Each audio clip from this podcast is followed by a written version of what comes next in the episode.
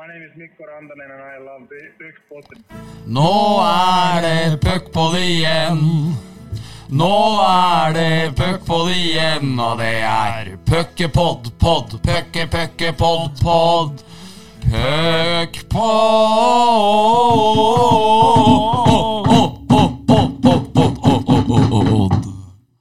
Hørte jeg smatta idet du satte på I det du satte på eh, melodien der. Så bare tok jeg meg sjøl en Det var ikke lekkert. Nei, men det er litt sånn at du er fornøyd med Ja. det som har vært, Ja. det som skal komme. Ja. Det, så jeg tenker det var en god ting. Og nå er det jo en stund siden sist, så det er godt å få i gang Gullstrupen igjen, som ja. folk kaller oss. da. Det er rett. Det var vel noe av det siste vi prata om i forrige pod, at eh, det var ikke sikkert alle podene ble like lange, men det skulle komme mye, mye hyppigere. Og det, det, skjedde, det som skjedde, var at vi tok oss en sabbatsuke ekstra. Ja. Og jeg tror jo lyttere av våre altså dem, Jeg tror ikke de kjøper når vi sier at vi er tilbake da og da. Jeg Nei. tror folk eh, forholder seg til når de får dette plinget med beskjed om at det er ny episode. Det er en svært upålitelig duo. Det, vi må vel, så ærlig må vi vel kunne være. Det må vi bare være ærlig på. En som ikke er eh, upålitelig, det er eh, Proteinpulvermannen med de flotte rabattkodene. Han er på besøk her i dag. Velkommen, Trym. Jo, tusen takk. Bendik, eh, du har jo gravd litt. eh, Rabattkodene og sånn, de har vi jo vært inne på i tidligere podder før vi fikk hilst på Trym. Så vi tok for oss han litt, eh, litt tidlig der, var vel i fjor. Ja, vi gjorde det. Og det var jo helt Og det var liksom Det er litt morsomt òg, for ringen er litt slutta, for det var så utrolig tilfeldig at jeg øh, kom over Trym på Instagram og liksom bare syntes det var jævlig komisk at når man gir bort rabattkoder, så var det liksom på sjenerøse 10% Jeg hadde jo ikke noe forhold til Trym i det hele tatt. Og Trym var, Jeg syns Trym var god. Syns han var langt bedre enn han Korven Lillehammer øh, hadde. Eh, men det var liksom det eneste forholdet jeg hadde. Jeg visste liksom ikke så mye mer om det heller. Serping og det. Og så tenkte jeg det er morsomt å på en måte ta det i podkasten og kødde litt med det. Forventa egentlig ikke noen reaksjon heller, men fikk jo kjapt melding på Insta om jeg, om jeg trengte noen rabattkoder på, på muskelpulver, som jeg da hadde kalt det selv. Eh, så, så ble jo det en liten greie, og Trym sto som en vegg utover året her, og vi var så heldige å få hilse på når vi var oppe hos Martin Gran her, og så til slutt så er ringen sluttet, og, og Trym sitter her. Men eh, det bringer oss jo inn på story om gjest, fordi eh, det er jo ikke med så rent lite stolthet. Jeg vet at eh, nåværende Storhamar-trener og daværende landslagstrener Petter Thoresen hører på De glade gutter. Så når Trym eh, var på var med landslaget i fjor, så skjønte jeg at du hadde fått deg litt av melding av eh, Petter der på noen prosenter. Eh, fordi Trym, Trym sto jo bra i kvartfinaleserien, men han kollapsa i siste matchen i takt med resten av laget mot Stjernen, og det blei vel en 67 i redningsprosent i den kampen. Ja, jeg veit ikke, men det ble noe sånn, tror jeg. Ja, og da hadde vel eh, Petter, som da var landslagstrener, skulle eh, melde litt på Trym, og hadde vel sagt at du driver og gir bort litt rabattkoder og sånn, har jeg hørt, og litt prosenter. Eh, og Trym svarer at eh, ja, hvor mye skal du ha, eller et eller annet og sånn. Og da hadde vel Petter da svart at jeg får bli som redningsprosenten din i Stjernehallen, da. 67. Ja, Det som var, var at jeg var jo ikke med på den samlinga. Han fortalte det til Martin Gran. Var det sånn det var? Ja. Så fortalte han det til meg, og jeg bare å, såpass, ja. Hva, hva tenkte du da? Vi skal komme mer inn på overgangen til Storhamar litt seinere, men hvordan så du på det da, før du nå fikk møtt Petter i år, når det ble klart at du skulle komme hit? Nei, det er jo bare humor, da. Så vi må jo egentlig bare le av det. Det er ikke noe Det var jo ikke noe beste kampen jeg har spilt, og sanne kamper kommer jo i ny og ne, og da måtte jeg egentlig bare le av det.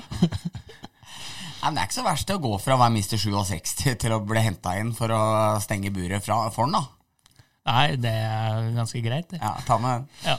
Det er jo en liten revansj, det, er det ikke Ja, det? jo, jo, jo. Jo, til å nå være den eh, Petter eh, ser til Ja. når det skal stenges. Vi får vel starte, Bendik. Vi skal snakke en del hockey i dag, eh, som vi ikke alltid er så flinke på. Men vi må se på innspurten i ligaen. Men vi må starte litt med kaoset i, i Lillehammer. Vi har jo prata om det i en del tidligere podder, men vi får Tryms perspektiv på det også. Vær så god, Trym. Nei, det Jeg begynte å høre noen rykter om at det, var spillere som ble fristilt. Man visste ikke om man ble fristilt sjæl engang. Vi fikk vite det dagen før Storhamar-matchen i Eidsiv Arena der. Og så visste Ja. Eh, og da fikk vi vite at det var fem spillere som har blitt fristilt. Vi visste ikke at der, Jeg regna med at der, Jeg visste ikke om jeg var en av dem. Snakka jeg med agenten min og, og hør, hørte, om, hørte med han om han hadde hørt noe. Og han hadde selvfølgelig ikke hørt noe, og så fikk jeg vite at det var, eh, var Martinsen, Denin, Mekinen og Martin, Martin Gran. Martin Gran Eriksson. Eriksson.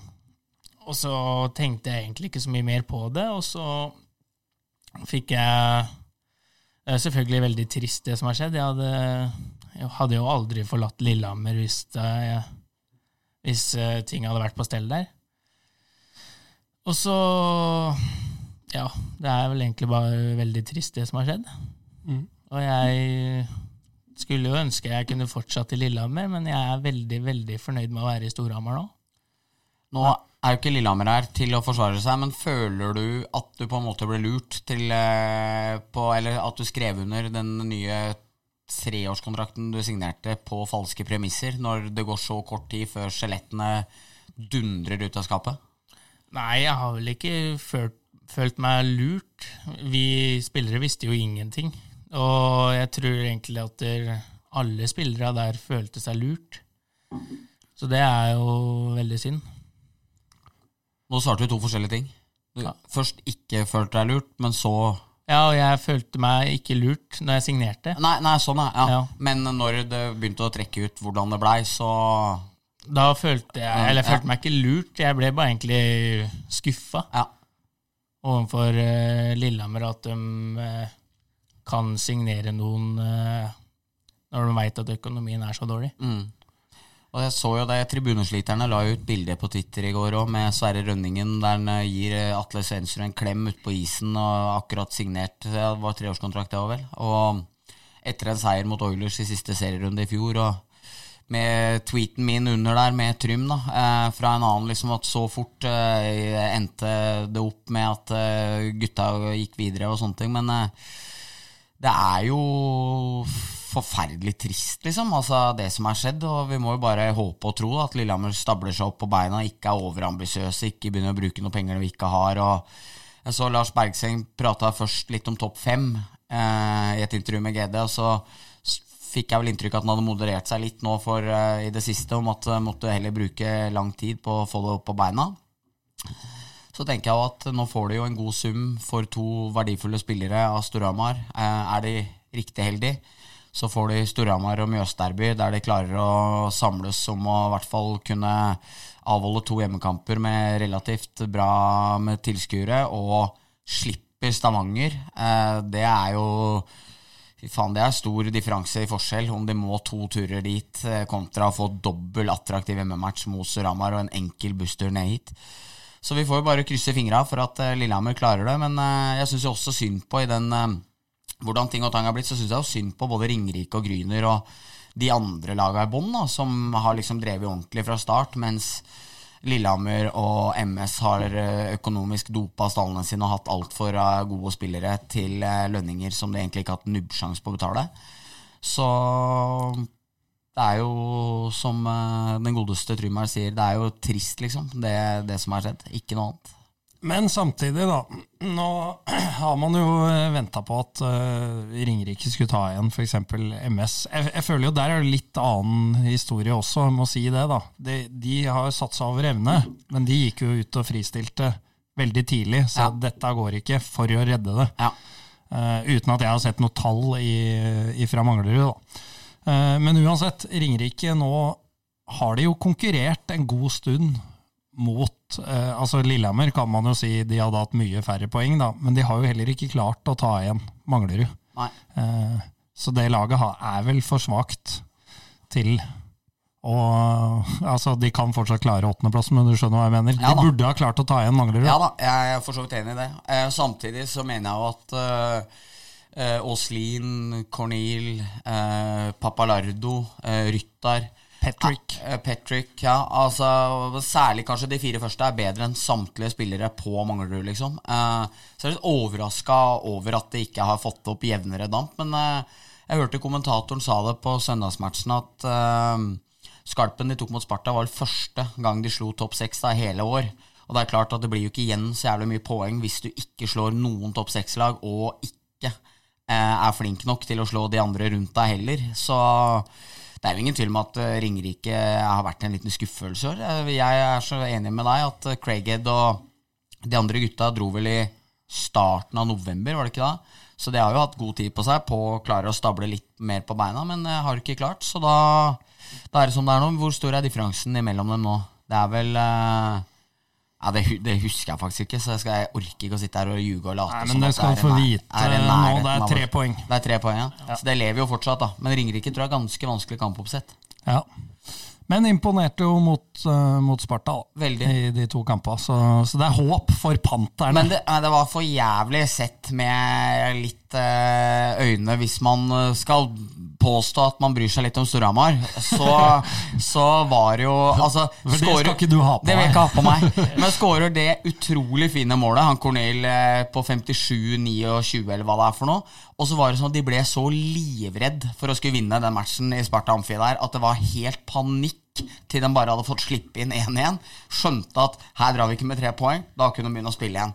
Så den, den goalen måtte nesten ha kommet på 59-59 hvis de skulle endt med tre poeng i den matchen. her For jeg har ikke sett maken til engstelig gjeng den blei eh, det neste halvannet minuttet der. Nei, men det er jo klart, Bendik, du og jeg som har noen år eh, både på, på Storhamar 2 og ikke Ja. minst Furuset, eh, vi veit jo litt om den der panikken som tar deg når du er i ferd med å vinne en hockeymatch Ja, når du ikke er så vant til det. Nei, det er ikke lett, altså. Nei, det er utrolig vanskelig. Og Ringerike fikk helt Spartaskjelven på tampen der. Det var ikke noe å lure på. Det var jo sånn når vi spilte i Lillehammer i fjor, så hadde vi jo tendens til å slippe inn siste minuttet hver kamp vi leda og alt sånn. Ja. Da fikk jo etter hvert så fikk jo folk litt panikk da, og bare ja, hva, hva gjør vi nå? Og så i år så har vi blitt mye, var vi mye bedre på det da. Å vinne matcher og stå midt på banen og vrikke på rumpa. ja. Det ble dere faktisk bra på. Mentalitetsmonstrene, var det ikke det Lillehammer ble omtalt som når det drev og glapp på slutten? Altså, Sånn det klappa sammen mot Storhamar der i fjor, eh, 4. eller 5. januar, det er det sjukeste jeg har sett. Han, altså, han Dakel med krampe, koronakramper lå på feil side av stolpen når pucken ble trilla i mål og sånn. Det var ja, det var òg gjeng som ikke hadde veldig lyst til å ta tre poeng da. Nei. Nei, det er, eh, det er fort gjort og når du ikke er så vant med det, og så i tillegg da Ja, du blir, du blir jo stressa, da, rett og slett. Det er, det er uvant situasjon. Så vår dypeste medfølelse til Ringerike, yeah. som vi egentlig snakka om. Ja.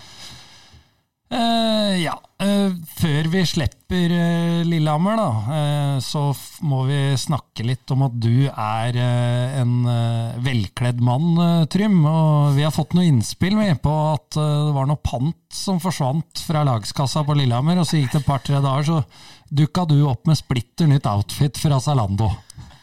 Eh, det er eh, Ja. Hva har skjedd her? Nei, jeg og Sverre skulle ut og pante lagkassa, da, og så hadde de ikke nok eh, cash. Og så tok eh, Så sa jeg men jeg kan jo bare ta det på kort. Og så fikk jeg pengene på kort, og så hadde det bare gått helt i glemmeboka mi. Og så hadde jeg jo bestilt meg litt klær og sånn, og så ble jo guttene Jeg tror det tok kanskje fire måneder jeg, før de fant ut, spurte meg hvor er det pengene her, og jeg bare å, shit. og så jeg drev og nekta og nekta og nekta, og så sa jeg at For jeg trodde jo jeg hadde levert pengene, og så had, tok jeg med meg Det er litt slemt gjort, men jeg tok med meg Sverre under bussen. Så jeg og han måtte, fikk jo de bøtene og alt sammen. Og Sverre sto der og var så forbanna og drev og nekta og nekta, mens jeg påsto at han eh, fortsatt var med. Det blei litt nye klær for de pantepengene, ja. Leverte du noen penger tilbake igjen, da? Ja, jeg betalte alt tilbake. Ja. Pluss 500 ekstra. Ja. Som seg hør og bør. Ja. Hvor mye penger var det snakk om? Jeg ha 1200 kroner, eller? I pantepenger. Ja. Så det var, var jo lite grann. Ja, det er noen flasker og bokser, det. altså. Ja. Jeg tror vi hadde hatt lagfest eller noe sånt, jeg, og så hadde vi samla fire-fem søppelsekker. Så fikk jeg og Sverre oppgaven å ta med den, og da tenkte jeg at det blir penger til oss, da.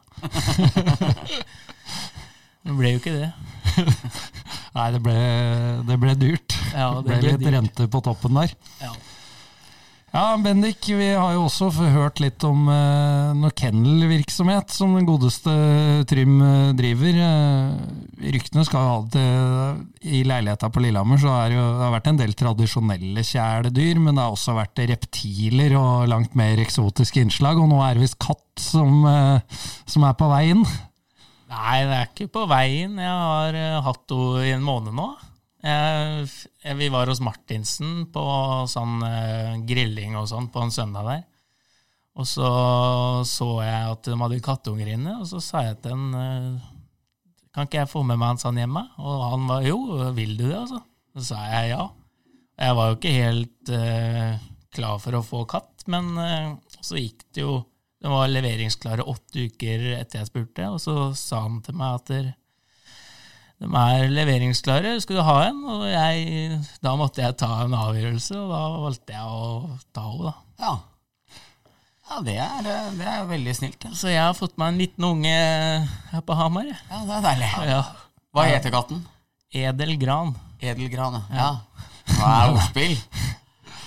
Ja, jeg- nå skulle vi hatt sånn trommer eh, Ja. på, på Ja, beatboxen her, ikke sant? Jeg tar jo egentlig ikke sånne eh, morsomheter, vet, men akkurat den her var jeg skarp nok til å, til å ta. Ja, den var fin, den. Men eh, er det noe i det? Har det vært mye andre dyr inne, eller, eller er det bare oppspinn?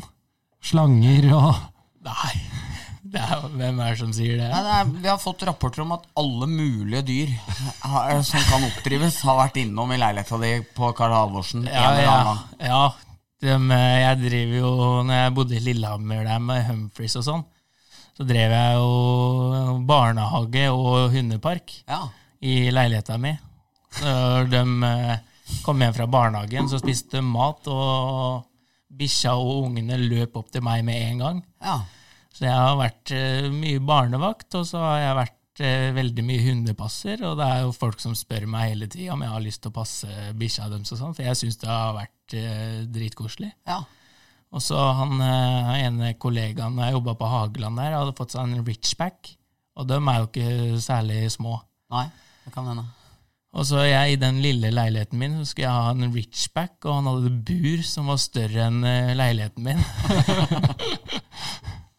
så jeg har vært litt, det har vært litt dyr inni der, ja. dyrehviskeren, altså. Ja. Det er motsatt av meg. Så ærlig må jeg være. Ja, jeg har jo vært borte hos deg. Eh, eh, altså, det er ikke noe Det er ikke noe dårlig behandling av dyra, må ikke lytter eh, misforstå, men, eh, jeg har liksom ikke inntrykk av deg som en dyrehvisker, nei. Jeg, jeg godtok jo en katt eh, fra min tidligere samboer for å slutte å krangle en eller annen gang. Så da hun flytta i sommer, så var det ganske klart på at den katten, den, eh, den må ut. Eh, Så ærlig jeg skal være. Så, nei, jeg, jeg er ingen eh, dyrenes mann. Jeg er litt redd store hunder. Uh, Syns katter er slitsomt og strevsomt. Så nei, det er ikke det store for meg. Ikke for deg heller, tror jeg, Erik. Nei, uh, Det er ikke Jungelboken borte hos deg, liksom? Nei, det er det på ingen måte, men det er jo klart uh, svigerfar er jo hundekjører. Ja. Så han har vel en 15-16 hunder. Så jeg har Ja. jo blitt herda gjennom uh, åra med, med samboeren nå. ja. Så, men det er klart, har du bikkje, så må du ut og gå før jobb, da. Ja, ja. Og, og det er hyggelig, det, i, fra mai til uh, september. Men det er ikke så fett i januar nå, når det er 10-15-20 blå. Er, jeg, men jeg må ærlig innrømme, foreldrene mine har jo en hund dem er, det, jeg syns ikke det er så gøy i juli heller, altså, at, at man må det. Så, Så nei, eh, ikke noe dyr. Nei, men da, da er Trym uh, Trym tar dyra for Ja, oss. ja. Ja. Og da veit alle i Hamar og omegn eh, det, hvem de skal kontakte. Hvis Men, du er en, men du er enig i at det, eh, det virker, hvis man bare hører det her nå, så høres Trym mye mer empatisk og sympatisk ut enn oss som er glad i hunder, eller dyr. Ja, Ja, For det er, det er liksom et sånt godt mennesketrekk, egentlig, helt til det bikker. For da virker du gal igjen. ja. Ja. Så, så det er liksom, så du må holde deg akkurat innafor. Men da tenker jeg er jo flaks at uh, Trym her er ganske god til å stoppe pucker, for da, da trenger vi ikke bekymre oss de neste åra for at han blir sittende inne i et hus med 40-50 katter og sånne skrekkhistorier Nei, som du nei. hører om i, i lokalaviser rundt om. Det er rett. Så det, så det er trygt og godt. Uh, skal vi snakke litt om Sverre Rønningen, da, nyeste tilskuddet, og tidligere lagkamerat, og nå lagkamerat igjen med Trym. Ja, eh, det blei jo klart nå her om dagen. Eh, her om dagen, sier jeg. Det ble klart eh, i går, altså mandag. For lyttere som kanskje hører dette onsdag eller torsdag, så kan man aldri si i går, for da blir det så upresist. Så dette har jeg lært meg i løpet av disse fire og et halvt årene i radiobransjen nå, Eirik. Eh, men der fikk vel Storhamar en av ligaens absolutt beste toveisbekker.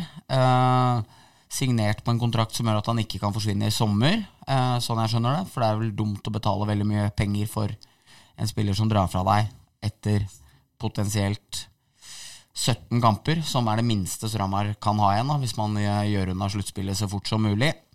Men eh, men ja, det var en utrolig sterk signering. Og Trym, hva får dere av å få Sverre inn? Nei, vi får en veldig bra toveisbekk. Og en man kan stole på baki der. Jeg har jo spilt med han i to og et halvt år nå. Og det har aldri vært noe problem når han har vært utpå. Og det, er, han, det ser ut som han egentlig gir ganske mye faen, men det er fordi han er så rolig. Og vi får en eh, skøyer i garderoben. Og ja, veldig, veldig, veldig bra bekk og hyggelig fyr. Og så blir man litt sånn når man ser 1-0-skåringen Storhamar fikk mot Lillehammer her sist, når Noer kommer aleine mot den der, så skjønner jeg at onde tunger tenker at den godeste Rønningen allerede hadde noen tanker til Hamar, hvis de glade gutter husker den. Det, jeg husker den goalen. Eh, Men det bringer jo oss til et punkt her Jeg tror ikke Sverre gjorde det med vilje, det. Det tror ikke jeg heller. men eh, bare så det er sagt. For han var veldig Men- god den matchen, til Salsten til slutt ø, kneppa han ut der, og da, da blei det større åpninger. Ja, men da bringer det oss inn på at sjølveste sabotøren er jo i studio i dag. Yes. Eh, hvordan, er det noe prat på det i garderoben at, eh, at det rett og slett, hvis det ikke blir seriegull nå, så er det din skyld? Nei, det har ikke vært mye prat om det, men eh, jeg går jo rundt på isen der når de ikke scorer på trening og sånn, og sier til dem at der, Nei, du scorer ikke på trening heller, og alt sånt. Han derre Quinville har vel jeg snakket, Vi satt på hai i går og spiste, og så snakka vi rundt bordet om hvem som hadde scoret på meg her, da. Så var det Settegren på sida her, og vi leta opp, og han hadde skåra to mål på meg. Og så var det Bjerke mente at han hadde skåra på meg en gang, og han eh, Han eh, søkte opp, men det var heldigvis på Partanen, og ikke meg.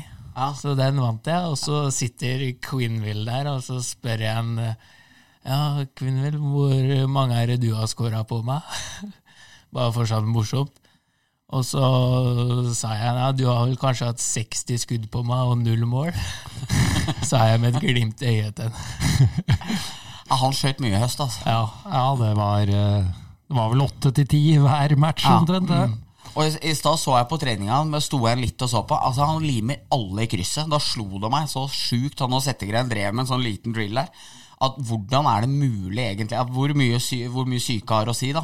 Når du ser kanskje den beste skytteren som har vært i Norge de senere åra, ikke klarer å altså Det var jo akkurat som man klarte ikke å treffe ei låvedør, liksom, når, eh, når det sto på som verst i høst. da Og nå alt var lima oppi. Altså, pucken hang mellom den der stanga bak, der det er sånn polstra beskyttelse, og oppi nettet. Treffere pucker hang oppi der, liksom.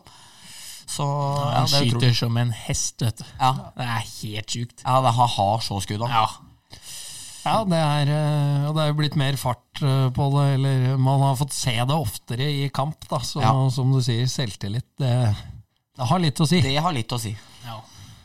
Det er ikke noe tvil om. Eh, Bendik, du ønska også å, at vi kom innom den tidligere Hamar-vennen Christian Bull. du. Ja, jeg gjorde jo det. Jeg leste jo saken i stad på TV 2 med entusiasme om at eh, han skal ha takka nei til Sparta. eh, til Sjur Robert, til, eh, til Det evige prosjekt nede på Brevik. Eh, og at TV 2 hevda gjennom hans agent at Storhamar og Stavanger var nærmest på banen. Får det kanskje litt vanskelig til å stemme. Altså nå Kall meg, altså jeg, jeg skal spise lua mi jeg, hvis det her er feil, jeg, eller hvis jeg tar feil her, men jeg har jo vondt for å tro at Storhamar skal hente inn sin niende seniorback nå. Eh, og da er ikke Papuga engang med i regnestykket. Så jeg tror nok det blir Oilers på han. Eh, Jeg vet at Surama var interessert tidligere i sesongen, men eh, det har jo blitt forandringer. Både først røk Endron inn, fikk Kindle inn. Fikk til slutt mulighet på Rønningen, der Oilers også var med. Så jeg tror Storhamar følte at det var en må-ta-mulighet. Men det er jo gøy for ligaen og bra for produktet at eh, sånne spillere som Bull kommer tilbake igjen. Og jeg syns jo faktisk det er fett at eh, de spiller i Norge, da. Og og gjør en eh, Og bidrar her istedenfor å spille i sånne halvdårlige østerrikske klubber. Så Bull, som er en kjempegutt, han ønsker vi hjertelig tilbake igjen hvis det blir sånn. Men jeg har litt vondt for å tro på det der agentsrøveriet, der man vil ha litt mer gryn både til eh, i sign-on-fee og i kontrakta ved å hevde at en annen toppklubb er på banen. Så jeg tror Bull blir eh, Oilers-spiller, og da blir Oilers enda litt kvassere, for eh, den forrige uka viste at eh, det er noen huller der bak også for dem. Det er ingen tvil om. Så må jeg si da at selv om nå Oilers reiste fra Østlandet med 11-2 var det vel til sammen i målforskjell og null poeng, så blir jeg litt imponert av eh, den første rekka deres med Dinin, Kissel og Beck, som eh, De har null i pluss-minus. Altså, de leverte ikke det de skulle offensivt, men de var ikke med på katastrofen. Uh, sorry, nå ramla jeg helt ut. Ja, ja, Du sitter på telefonen under un- pod. ja, unnskyld. Det, det sier første, han aldri gjøre. Førsterekka til Oilers, Yes. selv om hun taper 11-2 Ja. Eh, over to matcher på Østlandet, Ja. så er de eh, tre gutta, da, Dinin, Kissel og Beck, Ja. null Ja. i pluss-minus. Ja. Det ble jo ikke noe særlig produksjon framover, men de er solide. Altså, det Det er er en bra rekke. ja, det er det. Han Beck er jo ikke så veldig god heller, så derfor eh, er det jo ikke Men de har fått noe ut av han i den rekka, føler jeg. Ja, jeg har kanskje det. Eh, men eh, ja, nei, eh, det er jeg enig i at det var bra. Det var jo, så jo at Roxette, da, som er en spiller som jeg egentlig har veldig stor sjanse for, hadde en fryktelig tung dag på Hamar. Eh, det må være lov å si. Og det var jo ja, flere av de bekka der som liksom har båret tungt for dem lenge, jo, hadde jo to elendige matcher på de to kampene der. Og mot Vålinga så var det litt likt. Pucken hopper og danser på streka, og på Hamar så smalt jo metallet flere ganger i første perioden. Og akkurat som at når de ikke klarer å utnytte mulighetene sine, så er det akkurat som i det man begynner å slippe inn, så er det akkurat som alt bare raser. Og det er jo noe som aldri har vært for Oilers noen gang, så jeg veit ikke åssen jeg opplevde det, Trym, fordi jeg så matchen på TV, så jeg må jo ærlig innrømme det at, eh, at dere ikke lå under etter første perioden. Dere led vel til og med, kanskje òg, gjør dere vel? Ja, 1-0. ja. Så føltes jo det ut som et lite ran at dere gjorde det, men eh, takket være deg og noen, eh, noen stenger der, så gikk det ganske greit. Ja, det, det var var jo kul match. det. Vi, de pressa hardt i første og første halvdel av andre, og så tok eh, vi mer og mer over. Og så det er jo Må jo ha litt flaks innimellom. Jeg tror jeg hadde fire stolpeskudd der, eller? Ja, I hvert fall tre. Ja. Det var tre i første periode, så Ja. tror jeg kanskje var en i andre òg. ja. Og det, det tar man jo hver dag. Ja. Alle dager i uka. Det føltes jo litt ut som at uh, den barbecue-rekka som ikke hadde boot nå, det var fryktelig mye egen sone, og det plinga i metallet, og det var litt rundt der, og Trymmen og sjuke redninger og Men det føler jeg òg er et litt viktig punkt for Storhamar òg, fordi de har jo utspilt Oilers tidligere i år, og tapt klart. og gjort det egentlig mot ganske mange lag, og samme mot Vålinga hjemme. Og da liksom, I den perioden andre periode er Vålinga klart best og skårer 1-1-målet. Så dukker Quenville opp og skårer, og så klarer man å stenge av perioden. Og så har man kontroll på tredje perioden. Så det er jo slutt på at Storhamar må dominere alle matcher for å få med seg alt mulig. Eller det endte jo ikke alltid med å få med seg så mye da heller. Al- Alle de fire matchene mot Lillehammer som Trym sto, så var jo Storhamar desidert best. Men endte vel opp med fem poeng i løpet av tolv mulige, eller hva det var for noe. Så endelig så er det jo litt sånn at Storhamar vinner matcher der de ikke trenger å fulldominere, da. Og det er jo takket være en god defensiv. Litt mer tur. Man fortjener kanskje litt mer tur når man har klart å stable et godt forsvarsspill på beina så det er jo veldig bra. Ja, øh, jeg må spørre. Jeg vet ikke om det var bevisst, men er det noe historie bak at du kalte Roxette for Roxette? Eh, Noe Nei. Nei, jeg trodde kanskje det var noen linjer til, eh, til bandet Nei. Roxette. Nei. Daniel Bøhn Roxette. Roxette. Ja, det er mulig jeg har feil, altså, men du uttalte så, Han heter Roxette, Ja. men jeg vet ikke om det er sånn man sier det, men det er det jeg alltid Daniel har sagt. Roxette. Men du sa Roxette, og det Ja. er jo bandet. Ja, du vet, jeg klarer ikke å si brokkoli heller. Nei, men det er ikke Verken du eller jeg er vel noen grønnsaksvenner, så det er ikke så farlig heller. Nei, det er, ikke, det er godt til biff. Men, eh, men ja, ellers så, ellers så er det ikke så sterkt der. Daniel Bøhn Roxette. Roxette. Det er mer riktig. Roxette. Roxette. Jeg sier Roxette. Det gjør du òg. Ja. Ja. Daniel Ben Roxette. Du, Dan- du sier Roxette. Det er jo Ja, det er det svenske bandet. Ja, ja. Så spilte når, når Lars Joakim vant Big Brother i 2001. Da sto de klare på Fornebu. Ja, En eh, enorm uh, reality-serie, altså. Big Ja, Brother ja. 2001. Enig. Det tror jeg vi har vært inne på før, men jeg husker jo når vi var samboere på Grorud, så satt vi og så på den VHS. Ja, eh, Jevnt og trutt. Det var, var stort, altså. Ja, ja, ja. Rodney og gutta der. ja, ja. Alltid på jobb. Ramsey og Ja, øh, det var en digresjon. Det var en digresjon. Ja. Så vi må hente oss inn igjen, og da Kan- må vi Kan jeg da gjøre det med et spørsmål? Ja, Uh, Trym, uh, hva er den største forskjellen, fra litt spøk til alvor her, hva er den største forskjellen med å stå som Storhamar-spiller kontra som dere spilte på Lillehammer? Nei, det er vel eh, Det er vel ikke fullt så mye å gjøre. Jeg hadde jo masse å gjøre i Lillehammer, og jeg syns jo det var veldig, veldig moro. Men eh, det var liksom Jeg var eh, Jeg stolte liksom ikke på noen, da. Eller jeg gjorde jo det, men jeg kunne jo ikke gjøre det. Fordi jeg må liksom måtte alltid være på, og jeg må jo det nå òg. Men eh, nå har vi jo bekker som Kindel, Hjelm, Engebråten, Øksnes, som, eh, som har full kontroll og stoler på meg, og jeg stoler 100 på dem. Så er det jo mer profesjonelt, da. Vi spiller mer voksenhockey. Jeg husker når vi, jeg satt på benken i Warner Arena og så på. Jeg bare Oi, det går, går det så fort, eh, egentlig? For det er jo mye, mye bedre tempo her enn i Lillehammer.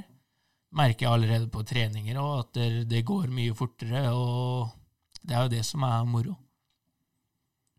Det, er, eh, det skjønner jeg, det er sånn, men sånn rent sånn keepermessig, sånn eh, når du står i kampene der du får 45 skudd kontra 20 altså eh, hvor mye på en måte, Jeg skjønner at man tar seg jo mer ut når man er noe som skjer ut øra på en hele tida, men er man bevisst på det i løpet av en match når man får veldig mye å gjøre at nå eh, Hvordan skal jeg disponere krefter og sånn på, på den måten der, kontra noe du kanskje ikke i så stor grad trenger nå?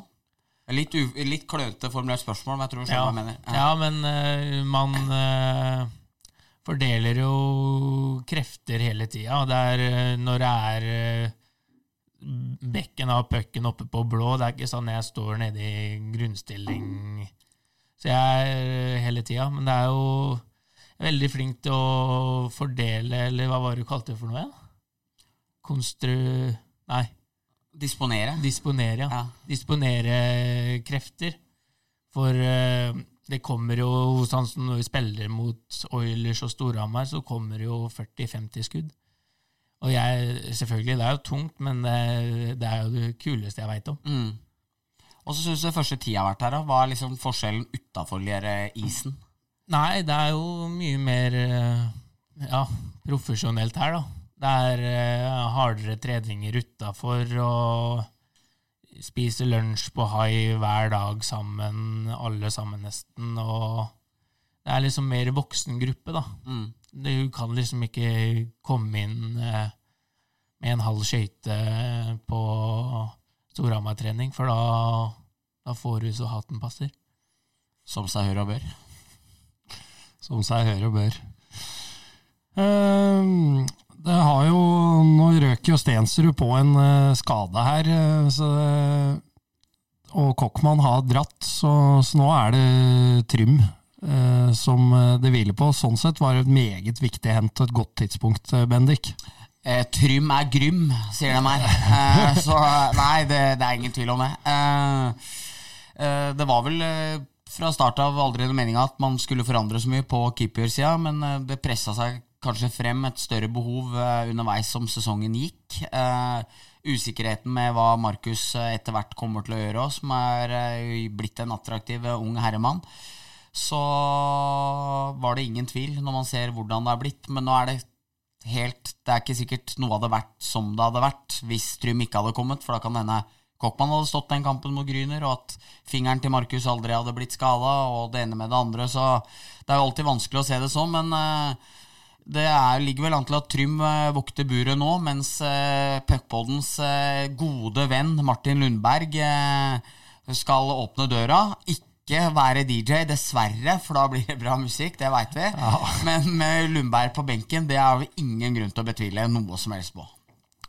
Nei, og nå møtte jeg Martin her og huka tak i i hallen i forrige uke. Nå har jeg fått bekrefta at, eh, at det var han Ja. som styrte musikken på U18-kamp. Og eh, det stemmer jo også at han eh, bomma, da. Eh, valgte den juleepisoden, så når han skulle kjøre introen på en icing der, så så endte det med O Elga natt-fremførelsen vår. eh, og det er klart eh, Jeg er veldig glad at jeg ikke var i, i Storhamar ishall da. Ja, ja, For, for det tror jeg hadde vært tungt. Jeg er ikke Ja. sånn kjempeglad i å høre min egen stemme i sånne settinger, og kanskje enda mindre når eh, vi byr på julesanger som, Ja. som vi ikke har stemmer til. For det var stygg musikk. Det var stygg musikk, ja. Det er helt korrekt. Vi må snakke litt om serieinnspurten. Mm. Eh, Da kan vi gi ordet til Trym eh, først etter hvert her. Det er, eh, altså dere er to poeng bak Oilers. Ja. Fem kamper igjen. Men Bendik og jeg skal fylle på litt etterpå hva vi tror. Er det mulig å ta det igjen? kampprogrammet til Oilers tatt i betraktning? Ja, jeg, jeg tror personlig det er mulig. Men vi må jo Vi må jo først tenke på oss, tenke på oss sjæl. Vi må vinne alle matchene våre. Og så får vi egentlig bare ta det som det kommer. Vi må fokusere på oss eh, selv. Det hadde vært kult å ha hatt igjen en eh, kamp til mot Oilers. Det er det ingen tvil om. Ja, for Vi har kikka på terminlista, Bendik, og vi ser egentlig bare én kamp som vi tror Oilers kan tape, og det er Stjernen borte. Ja, for Eh, for det er, er det Lillehammer, MS og Ringerike de har igjen. To Mm. av dem hjemme, og så er det Frisk hjemme. Ja, de begynner hjemme mot Frisk etter landslagspausa, og så er det Stjernen borte. Uh, og så tror vi vel egentlig da at snubletrådene er over, og det er bitte litt synd, sånn for spenningas del òg. Eh, men det hadde jo vært helt utrolig fett om Oilers klarer å rote vekk noen poeng i, i eh, mot eh, Stjernen eller Frisk, da. Eh, selv om vi må da kanskje sette vår lit til Stjernen, tror jeg. Lillehammer, MS er det hjemme, og så er det Gryne borte. Ja, og det, det. skal være planke for Oilers. Det, så ærlig må vi være. Eh, og da er jo Storhamar har jo igjen et litt tøffere kampoppsett enn det. Har jo Ringerike hjemme i første match. Så er det Sparta hjemme i andre. Eh, Sparta som vagla virkelig på tampen nå. Eh, fire poeng av de siste tolv mulige i forrige uke der. Det blei en eh, ganske bekmørk uke for dem. Så er det vel MS borte, Vålinga borte, før det avsluttes hjemme mot Frisk. da. Men tenk hvor kult det hadde vært da om både Storhamar og Vålinga har mulighet på seriegull på den lørdagen på Jordal Amfi der 25. februar, vel. Da kan det hende det ikke bare er Reidar Evensen som er happy på tribuna. Så hvis det der eh, går med, da, da tror jeg nesten Reidar skal kjøre reprise fra 25 år siden. Liksom. Da blir det full tenning der. Ja, det hadde vært uh, veldig, veldig gøy. Og så Nå kikker vi litt inn i glasskula igjen, da, men Sparta sin eh, formdupp her kan jo føre til at de blir nummer fire nå. Ja. Uh, kan bli, da, hvis Storhamar og Vålerenga passerer. Ja, det, det Sparta har jo igjen Har ikke Sparta igjen, eh, hvis jeg ikke husker feil nå, så har det i hvert fall en Surama borte. Jeg tror det skal til Stjernehallen, og jeg tror det har også Vålinga hjemme. Så jeg tror de har ganske tøft oppsett. Det er korrekt. Forutenom at de har jo en hengematch mot eh, Gryner, som gjør at de mest sannsynlig vil ta tre poeng til. Men det skal man ikke si for enkelt, fordi de røra til og ga bort ett poeng på Løkka sist. Men eh, at de skal gjøre det enda en gang til, og hjemme i Iskatedralen, det tror jeg nok neppe. Så jeg tror vi må legge på Sparta tre poeng. Men kampoppsettet tyder jo på at eh, det var litt dumt av dem å være være så gavmilde med poenga i forrige uke som det var. Jeg tror at Oilers tar full pott, Storhamar tar full pott, Vålinga tar eh, så å si full, og at vi dermed får Østfold-derby i kvartfinalen. Ja, Det blir jo litt av en eh, kvartfinale, Trym. Du som, som er lokal. Ja, Det, det blir heftig. Sparta Stjernen i kvartfinale. ja, det er kult. Da blir det mange folk på tribuna og bra stemning. Og da får vi Vi kan jo banke på med spådommen, for vi prata sammen i stad borte i hallen, Bendik. Da får vi, vi får Stavanger MS. Eller Ringerike. Ja. Og så får vi Storhamar Lillehammer. Ja. Vålerenga Frisk. Ja. Og Stjernen Sparta. Ja. Eller Sparta Stjernen. Ja. er vår spådom, da. ja, det er det. Så får vi se. Vi har tatt feil før. Ja, og da får vi Da får vi de fire beste videre, tror jeg. Jeg er jaggu ikke så sikker på Sparta mot Stjernen heller, altså. Det er eh, Det, det jo, blir nok den mest spennende. Og Og det, Me- Meisingseth med brudd i tommelen, og han Teppo har vært litt inn og ut med skader. Og ja, det er Sparta tynne, er litt tynne, og, og altfor få som produserer poeng nå. Det er liksom eh, Lundberg og Jakobsson og gutta som bærer bøttetungt om dagen for eh, det lille de får til nå. Så Men det er god tid til å klare å få den formduppen litt opp igjen. Det er det helt klart. Uh, Trym, uh, vet man jo ikke plasseringer og sånn enda, og du er jo en uh, veldig politisk korrekt mann. Men hvem kunne tenke deg å møte i kvartfinalen? Nei, det hadde jo vært spesielt å få Lillehammer, da. Men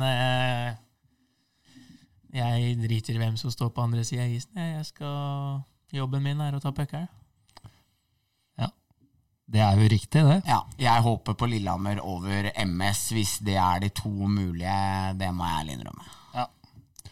Og nå har det jo vært bra med nødhjelp fra Storhamar til Lillehammer siden eh, krisa oppsto, så hvis Storhamar nå skulle klare å vinne serien, så kan det jo ses på som en kjempetjeneste det også da velge Lillehammer, selv om de er nummer sju. Ja. Få fylt opp Eidsiva, gi dem kort reisevei. Ytterligere økonomisk drahjelp. Ja, og- Masse hamarsinger som drar og kjøper billett. Og Og, et sterkere Lillehammer, jo bedre er det for Storhamar. Så det er det jo ingen tvil om. Og det, er, eh, det var det jo når de tilbød dem 1000 gratis, eh, eller der de ville tjene penger på billetter på den siste matchen når laga møttes i Hamar, før, eh, før trøbbelet til Lillehammer. Så jeg tror at Storhamar absolutt kommer til å velge Lillehammer. Altså Det Lillehammer-laget som er nå, er så dårlig at det er, det er, det er nesten så Storhamar 2 skal ha hatt mulighet til en eh, liten match der òg. for langt. Så altså, det, er, det, er, det, er, det er et så elendig hockeylag at det er, jo, det er jo ingen tvil om at eh, Jeg mener at alle lag bør jo egentlig slå det med ti mål. Så ille står det til nå. Men eh, Så det er jo ingen grunn til å skulle velge MS i stedet heller. Så, så jeg tror jo definitivt at hvis Rama vinner ligaen, så kommer jo uansett eh, de til å velge Lillehammer. Og gjør dem en tjeneste, gjør seg selv en tjeneste. Tipper det kommer 2500-3000 potensielt på en kvartfinale hjemme mot dem, og det kommer en 12-1300 mot MS, så det er jo enkel matte der for alles del at eh, man da definitivt velger Sasha og Lillehammer uh, istedenfor MS. Ja, så Puckpodden-redaksjonen, vi har konkludert. Det blir Lillehammer i kvartfinale uansett. Nesten, med mindre man Eller dersom man blir topp to, ja. Ja, ja. for eh, Stavanger kommer til å velge MS. Ja, Det er ganske brutal forskjell i år på Frisk, selv om de har skuffa litt kontra de to andre laga der. Det, det må sies. Det må helt klart sies. Ja. Ja, eh, det siste vi skal ha før vi går til de faste spaltene, det snakka vi også om eh, i stad. Det ryktes at det er nye eh, loffer og hansker på vei inn til, til deg, Trym, som Ja. du skal begynne å bruke. Det har jeg og Bendik egentlig landa på at det vil vi ikke ha. Vi syns det er litt fett at det er eh, rødt. Ja, faktisk. Ja, jeg òg syns det er litt kult med rødt. Ja. Men eh, det er Det ser jo bedre ut med det jeg skal få nå, da. Rent estetisk så gjør det nok det, men du blir liksom sånn det er nå, så er det en sånn sommerfugl der med det røde, det røde og gult og blått og litt hvitt er det der. Og, Nei, jeg, jeg syns det er litt stilig. Det var uh, Ole Brunken skrev til meg Kan det være at grunnen til at Trym var så god mot Oilers òg, var at det blir så mye farger for motstanderen at det kan være et uh, konsentrasjonsutfordring?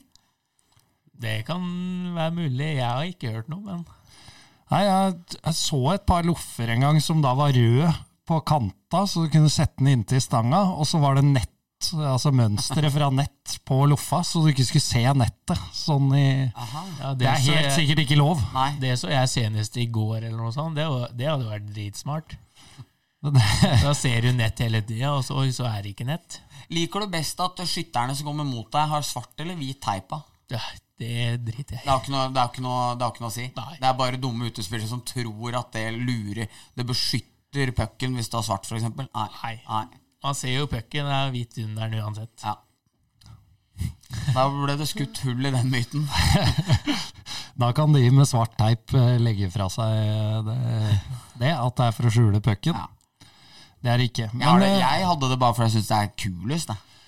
Jo, men eh, jeg skjønner hva du er inne på, for for min del så bruker jeg hvit, fordi da ser jeg ikke snøen på bladet. Hvis jeg har svart teip, så føler jeg at bladet er glatt, og så mister jeg pucken som en følge av det. Ja. Ikke hele tida, selvfølgelig, men jeg føler at oi, her er det glatt, det er mye snø. Ja. Det er jo akkurat like mye snø på hvit teip, men du ser det ikke. Nei, nei, klart. Sitter i huet. Syke. Det Syke, også. Syke. Ja, øh, vi kan glede dere som hører på, da, på tampen her. Det er visst en ukens røver på vei inn. Jeg sitrer av forventning, Ja. Riksen. Det er det. Eh, eh, Det er comeback fra en kjær, gammel eh, post. Altså en ukens røver. Det takker ingen nei til. Og denne gangen er det en rev, eh, hevnrøver. Fordi eh, nå, som jeg snakka om i sommer, så var jo jeg først bedt i bryllupet til Mathias Aksrud. Og så skjærte han inn i lineupen, og da var jeg en av dem som røk. Dette er jo, dette er jo allmenn kjent nå. Og jeg fikk faktisk påpakk av Patrick Thoresen at jeg ikke syns jeg tok Mathias hardt nok. Nei, for det er jo brutalt. Ja, ja, og han mente at her burde, her burde virkelig svingt øksa enda hardere. At jeg liksom jeg gikk hardt ut mot Mathias, og så dempa jeg det litt med å si at jeg var glad i ham og var glad på hans vegne. og sånne ting. Det hadde ikke Pat noe forståelse for. så, så Mathias skal få igjen litt nå. Fordi det har seg jo sånn at eh, Storhamar har jo kjøpt litt spillere den eh, høsten og vinteren her, og en av de nyankomne før jul var jo da den ikke ukjente David Booth. Og han var sugen på å trene litt ekstra i romjula, og benytta hallen da. Eh, driftssjef Tommy Larsen. Altså Jeg må bare få presisere en gang til at historia kommer rett fra Mathias Aksrud. Det det, det, det er han som har fortalt meg. Eh, og da hadde jo Boot ønske om det, så han spurte spurt Mathias liksom at eh, bare vær så snill, eh, mulig å prate litt med vaktmesteren og sånne ting. Mathias måtte jo da gå den tunge veien til Tommy ikke sant? og spørre. Helt uaktuelt. ikke sant? Han, han skulle ikke åpne Han skulle ikke opp der og åpne hallen og sette på lysa og gjøre noe som helst i jula. Han skulle ha julefri. Fortjent sådan. Mathias må tilbake igjen, få beskjed en gang til om å gå atter en gang. og Alle som kjenner Mathias, vet jo at eh, han eh, er jo ikke den som er mest komfortabel med liksom å være i krysslinja der, tror jeg, mellom Boot og Tommy Larsen. Og Boot spør en gang til, liksom, og prøver. Ja, han prøver og sånne ting. Ikke noe. Går til, Mathia, nei, går til eh, driftssjefen, da, som sitter og drikker kaffe og er, og er standhaftig i kjent stil. Nei, Det var bare å glemme. Han gjorde ikke forskjell på noen som helst. Så det var bare å glemme. og Det var ikke noe for buteren å tro at det var bare å komme her, og så åpna alt seg, liksom. Da sier jo But når han kommer tilbake, at ta meg med bort, da. Så får jeg liksom eh, spørre sjøl. Og Mathias hevder da at når han og Boot banker på på driftskontoret, så snur Tommy seg med, med det store gliset. 'Hello, Boot!' of course, of course. så Tommy rett opp og åpna til Boot og, og var full pakke der. Så, så Mathias mente at eh, Tommy var ikke så stram når det først dro seg til ordentlig der. Så 'hello, Boot'.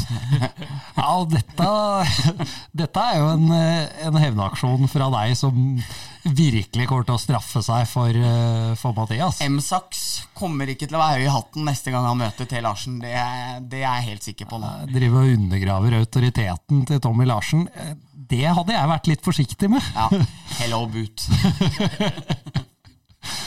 Nei, men den var fin. Den var eh, sterk. Ja, den var bra, den.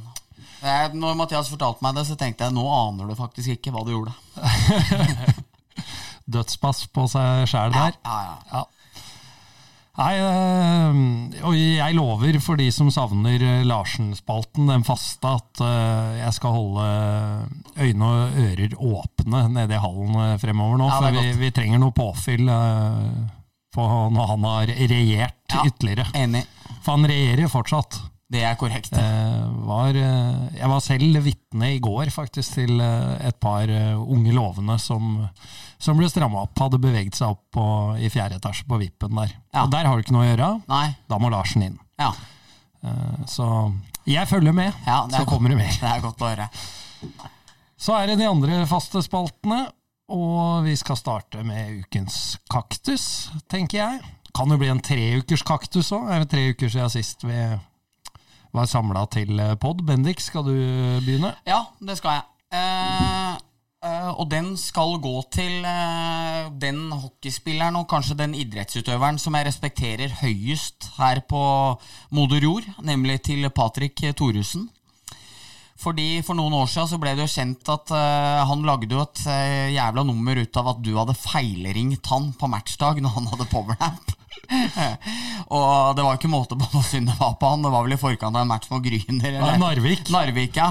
ja. Og du hadde nærmest torpedert kampen for han. Men eh, natt til søndag så lå jo jeg oppe i Trondheim i mitt søsters eh, hus og sov, som man gjør eh, når klokka er 02.44. Da jeg plutselig ser ubesvart anrop fra Thoresen med pålydende telefonsvarer om at nå måtte vi se til helvete å få ordna en livepod, for det har han åpenbart blitt sugen på å være med på i løpet av natta der. Så telefonterror midt på natta, selv om jeg ikke hadde noen match jeg skulle rekke dagen etterpå, det vil jeg gjerne ha meg frabedt. Så det her er faktisk en av de klareste klareste vi har eh, levert ut på lang, lang tid, Erik. Eh, Her føler jeg at eh, ditt feilring til han endelig eh, liksom fikk sin, eh, sin godkjennelse. Sin eh, her, er- Det er ikke du som er den slemme lenger. Nei, eh, jeg takker for, eh, for oppreisningen. Syns det var fortjent etter Ja. alle disse åra. Hadde Ja. nesten glemt det, men jeg husker det. Jeg husker panikken når jeg satt i bilen og så at det sto Patrick Thoresen på displayen. På matchdagen. ja. Ja. Nei, men her, her er, nå, det, er, det er blitt langt verre, dette her. Så, det, så du, er, du er eh, unnskyldt nå, Erik. Takk. Ja, øh, skal jeg ta en kaktus, da? Jeg øh, må bare kopiere meg sjøl, så jeg skal være kort. For det er øh, Det har vært sjokkerende. Altså, skulle tro folk har hørt på poden og gjør dette for å sabotere meg. Vi har vært inne på denne køkulturen. Ja. Det er verre enn noen gang. Siste tre ukene nå. Folk bak meg iler til kasse tre nede på Rema 1000 på Vurderer, du, men, vurderer du å si ifra? Jeg prøver da å Jeg er ikke så sterk på sånn, Nei, jeg er jo heller. litt konfliktsky. Ja, ja, òg. Men, men øh, jeg prøver da veldig høyt å tilby de som står foran meg eh, Skal du gå dit, eller? Ja. For nå kommer det en ny kasse her. Ja. Folk fyker forbi. Ja. Det er eh, en provokasjon. Nærmest en sammensvergelse mot min person. Ja. Så nå, nå har jeg gjort det helt etter ditt hjerte, Bendik. Eh, Jeg har stått i kø på Rema. Ja. Mye. Ja. De siste tre ukene. Ja. For det er jo det man gjør der. ja, det er det. Det bringer meg inn på en, en ting til. Det kan jeg ta nå. Eh, Den æ-appen Ja. som var så glimrende på Rema. Du hadde jo 10 ikke sant, på det du kjøpte mest. Og for meg som er glad i Pepsi Max og kjøper disse firere, så har jo det vært en meget lønnsom affære. Og det er sikkert flere i den båten med andre varer. Det innså Rema, som har tatt vekk det. Den topp ti-lista. Er det ikke det som er hele poenget med den idiotiske appen Dem, Jo, nei, men nå får du tilbud for varer som passer for deg. Ok. Så da kan jeg til min store glede si, se at de gir meg 15% på kneiprundstykker som koster tre kroner stykket. Ja. Hva faen skal jeg med det? Nei, nei. Så nå er det nærmest ren boikott, med unntak av de kneiprundstykkene til lunsj. Så er det Nå handler jeg på Coop Ja. og på Kiwi. Ja. Uh, For det går ikke. Nei. Da er du med meg. Er du med Og meg. det, det er Rema sentralt. Ja. Det går ikke an å holde på sånn. Jeg hater Rema, jeg. Jeg Altså, det, er helt, nei, det er helt jævlig. Nå var jeg oppe hos søstera mi òg. Skal ha en pack, eh, skal ha en pack med Dals og en deodorant. Og måtte, jeg, jeg, jeg sto der i 12-13 minutter på en vanlig fredag ettermiddag. Altså To kasser åpne på Tiller. Tiller er ganske stort. Den lille, elendige Remaen der. Altså Du står bak isdisken og venter. Nei, Det var helt forferdelig. Og det var eneste muligheten, så derfor måtte jeg innom. Men eh, Så jeg er ikke noe Rema-mann. Altså, de frekke nok til å drive og sette opp prisene nå. Det var deilig at de måtte dytte ned igjen. Så nei, Rema, det går ikke. Nei, eh, altså jeg kommer til å fortsette å handle lunsj der, så, og det er jo ikke noe folk, folka som jobber der, er jo glimrende, sånn som den appen, det er jo ikke dems bord. Nei, nei. Men uh, jeg syns det er smålig, Ja. Uh, rett og slett. Og så er det jo fortsatt et stykke å gå, da, Bendik, for din del, til uh, den gangen jeg måtte stå i kø på Rema når jeg var alene i butikken. ja. For da drev han bak kassa og stabla varer. ja. Det var kø da òg. Ja, det, det passa, ikke helt. Passa ikke, Han, da. han Valeria Smirnov nå er så stressa på Rema der for at det skal være kø, så det sitter nærmest fire mann parata det, de ytterst få gangene jeg har vært innom Ja, men han, han eh, Mini-Sasha skal Ja. ha kred, altså, Ja, skal. etter kritikken i puckpoden. Så han sprinter til kassa Ja, ja, ja. Når, eh, når man er innom. Ja, Det er på kanten til å ile Ja. bort til kassene. Nei, eh, det var Rema. Det var Sorry. Rema. Trym, vær så god. Og jeg skal ta det nå? Mm. Ja. Jeg skal bare nevne det der køgreiene, for vi hadde jo den Kiwien eh, på Lillehammer. Så er det jo alltid klokka tre, så er jo NTG ferdig på skolen, og alle skal jo i butikken. Så, sitter, så er det alltid mange i kassa, og så ser jeg det er to kasser åpne, og så tenker jeg at nei, jeg venter til det kommer en trea. Og så går jeg først til den, og jeg står nesten og venter på hun dama. Så jeg er den som bare steller meg i kasse tre. Og bare ikke ser tilbake og bare går kjapt ut igjen. Ja, hvis så har dårlig tid, så må han være fæl. Altså, Jo, jo, jo, jeg skjønner jo det, men her har vi jo en, en av disse folka som driver og terroriserer meg når jeg skal ha dagligvarer. Ja, det er rett. Ja. Men hadde det vært Trym jeg så, da Ja. hadde jeg tatt tak i det. Da hadde jeg turt å si ifra. Ja. Dette holder ikke. Nei. Nei, men uh, syns jeg er stort at du melder, på, melder deg på og gir deg sjøl en kaktus for elendig køkultur. Ja. Så har vi jo det derre biostil-greiene, vet du. Det har jo gått eh, veldig bra nå, ettersom jeg har bytta klubb og greier, vet du. Ja. Så vi spilte jo mot Stjernen borte. Da hadde pappa lagt igjen noe, eller lagt noen eh, varer til meg i en eh, pose i Stjernehallen. ja. Så jeg får ta med tilbake til Hamar, og så får du selge til guttene. vet du. Han tok med kanskje 20 par med sokker, eller? Sånn der uh, gule og blå sportersokker. Jeg tror jeg har solgt alle sammen allerede. Altså. Ja. Det er en sånn kremmer, du. Ja. Ja. Kre kremmeren fra Sarpsborg. Det er sterkt. Skal vi eh, dele ut en blomsterkvast også, kanskje? ja. Vær så god. Uh, nei, det er vel ikke all verdens uh, artige jeg har, men jeg, først så, så må jeg få poengtere hvor gøy jeg syns det er at Jakob Noer uh, er Jakob Noer igjen. Eh, Det har vært som Karpe synger, en lang kamp dit. Men, eh, men eh, jaggu så har han ikke fått eh, fart på spanna igjen. Og smiler og er glad, og den jubelen når han skårte de måla mot Oilers og sånn, det syns jeg var utrolig deilig å se. Um, og så, så må vi vel til vårt svenske publikum for å gi dem noe valuta for å høre på poden vår. Der er det mye lyttere, tenker jeg. Der er mye- særlig i Göteborgstraktene. Så derfor skal Joel Lundqvist, som i går varsla at han eh, legger opp, eh, få sin eh, velfortjente blomst her fra Puckpodden. 41 år gammel, vært drita god i over to tiår. Sin mest produktive sesong i 15-16, da var han 34 år. Så broren til New Yorks konge, han eh, Det går ikke upåaktet hen oppe i Grønnegata 64 at han skal gi seg. Så, så Joel får min blomst denne uka her. Ja, og oppi all furoren rundt at han nå gir seg, så, så tenker jeg at dette kanskje er det som henger høyest for den godeste Joel. Det tror faktisk jeg, ja. Ja. Det, må vi, det føyer seg inn i rekka av kaktuser til NHL-trenere som har oppført seg dårlig, og det har de nok tatt tungt, Ja. kritikken fra Han, deg. han, eh, han eh, Hva het han derre dustetreneren som var i Calgary? Som eh, endte opp i Russland? Eh, Husker jeg ikke, men du har jo tatt for deg flere, Babcock og Ja. Nei. Det er mange. Ja. Eh, Min blomsterkvast den skal gå til Anders Myhrvold og Martin Laumann Ylven. Jeg vet ikke om du ser på 71 grader nå? Jeg gjør det i år. Eh, Det er mye der vi kan ta tak i som har vært bra med det laget. Ja. Men den siste episoden jeg så nå, der de skal ro, Ja. hvor eh, Myhrvold konsekvent, i stedet for å prøve å ta igjen laget foran, svinger inn i båten til Frank Løke, Ja. som dytter dem unna. Ja. Og blir sintere og sintere, og du ser Myrra bare legger åra ned igjen så de kjører inn på nytt. Og det det klikker totalt for Frank. Det er, jeg tror er noe av det største trollinga jeg har sett. Ja, det er stort, faktisk. Men, men er, du, er du enig at det laget de er litt sånn der Når man er litt sånn ungdomsforelska jente på ungdomsskolen og liksom ikke helt vet hvor man skal gjøre av seg, liksom, så er det litt sånn istedenfor å si liksom noe hyggelig, så heller bli litt sånn der fjollete rundt. Altså, jeg føler de er litt sånn med Frank Løke. Er du enig i det?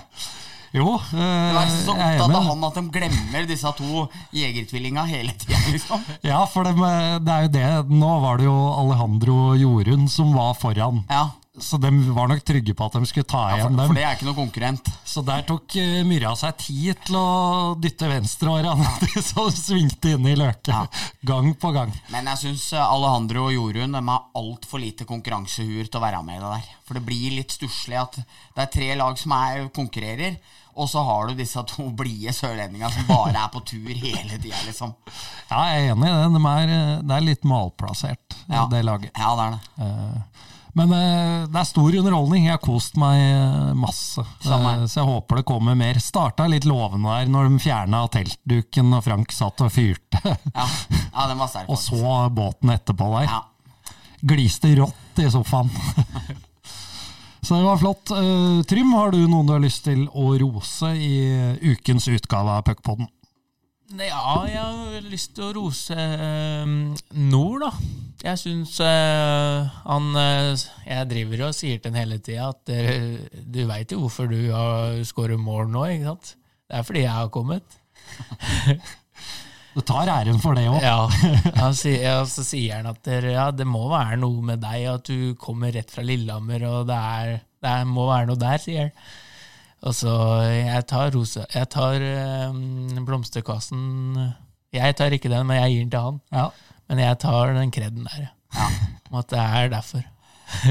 Men kan du, hvis du får den der bjelle, eller den der uh, kusauhatten når dere kårer BB innad i laget um, Kusauhatten Det er vel ei kumaske? Kumaske er det. Ja. Ja, eh, hvis du får den, kan du, kan du gi til Solem uansett om han spiller bra eller dårlig? Fordi det er vel med Vålinga han får den der når gutta synger Oh, Sammy Oh, eller et eller annet sånt. Altså, Jeg tror jeg så det klippet sånn 100 ganger, og så er jeg så glad i Solem. Jeg sa det til deg i stad. Liksom, ærlig, oppriktig spiller som bare går ut og gjør bikkjejobb hver eneste gang. Så kan du love meg det, Trym? Ja, det kan jeg love deg. Ja, det er godt. Da veit vi neste BB, hvis, eh, hvis Trym får eh, BB en kamp. Her så ble jeg veldig skuffa. Ellers blir det kritikk herfra. Ja, hvis blir Nord skårer hat trick igjen, da, så blir det vanskelig. Men, uh... Ja, det er jeg enig i. Man må se han litt. Ja. Det er jeg enig i. men jeg skal prøve så godt jeg kan. Ja. Nei, det er, eh, det er fullt mulig. Det er folk som eh, Anders Gulliksen skåra vel fem i fjor, tror jeg, i en match. Mm. BB-en gikk til Kristian Christian Strandli med 1 pluss 1 der, eller noe sånt, i en eh, 15-3-seier, eller ja. Så det hadde ikke Gullik fortjent. Nei. Så nei, sånn blir det jo av og til. Uh, slenger på det på tampen. Jeg har satt Anders Gulliksen på oppdrag, som jeg lovte. Eh, Svettedressmysteriet. ja, og selv han klarer ikke å få noe mer ut av eh, Rune. Hva sier Runa? Eh, nei, altså, svaret er han sa ikke så mye, egentlig. Så da, da tror jeg vi skal runde av det som var et julemysterie, etter hvert ble et nyttårsmysterie. Og nå i ferd, var i ferd med å bli et vårmysterie. Ja. Nesten påskekrim. Ja. Rune hadde en eh, svettedress til med seg for å beholde garderobefølelsen. Det er hans versjon. Okay. Eh, vi tror ikke det er sant, Nei. men det er versjonen. Ok. Så vi eh, er vel tilbake om to uker, er vi ikke det, Bendik? Ja. Det kommer i hvert fall en pod før sluttspillet. Ja, ja. Det er om to, om to uker. Da skal det tradisjonen tro tippes, det skal tas feil. Kanskje en Vålinga-inspirert gjest, da, for da er det jo bare tre dager før eh, Nei, kanskje ikke, forresten, fordi vi må vel holde oss her, vi nå. Vi må holde oss eh, lokalt. Jeg Ja. må være litt sånn standby Ja. uh, med tanke på familieforøkelse. Ja, Så det blir lokale podder ut. eh, Til, til det virkelig begynner å sette seg litt. Ja. Ja. Nei, men det, sånn må det være. Sånn må det være. Takk for at du hørte på. Takk for at du kom, eh, Trym. Jo, takk for at jeg fikk være her. Takk for at du er her, Bendik. Takk for at du er deg, Erik. Setter stor pris på deg. Altså. Yes, du òg. Ha det godt. Takk. Ha det.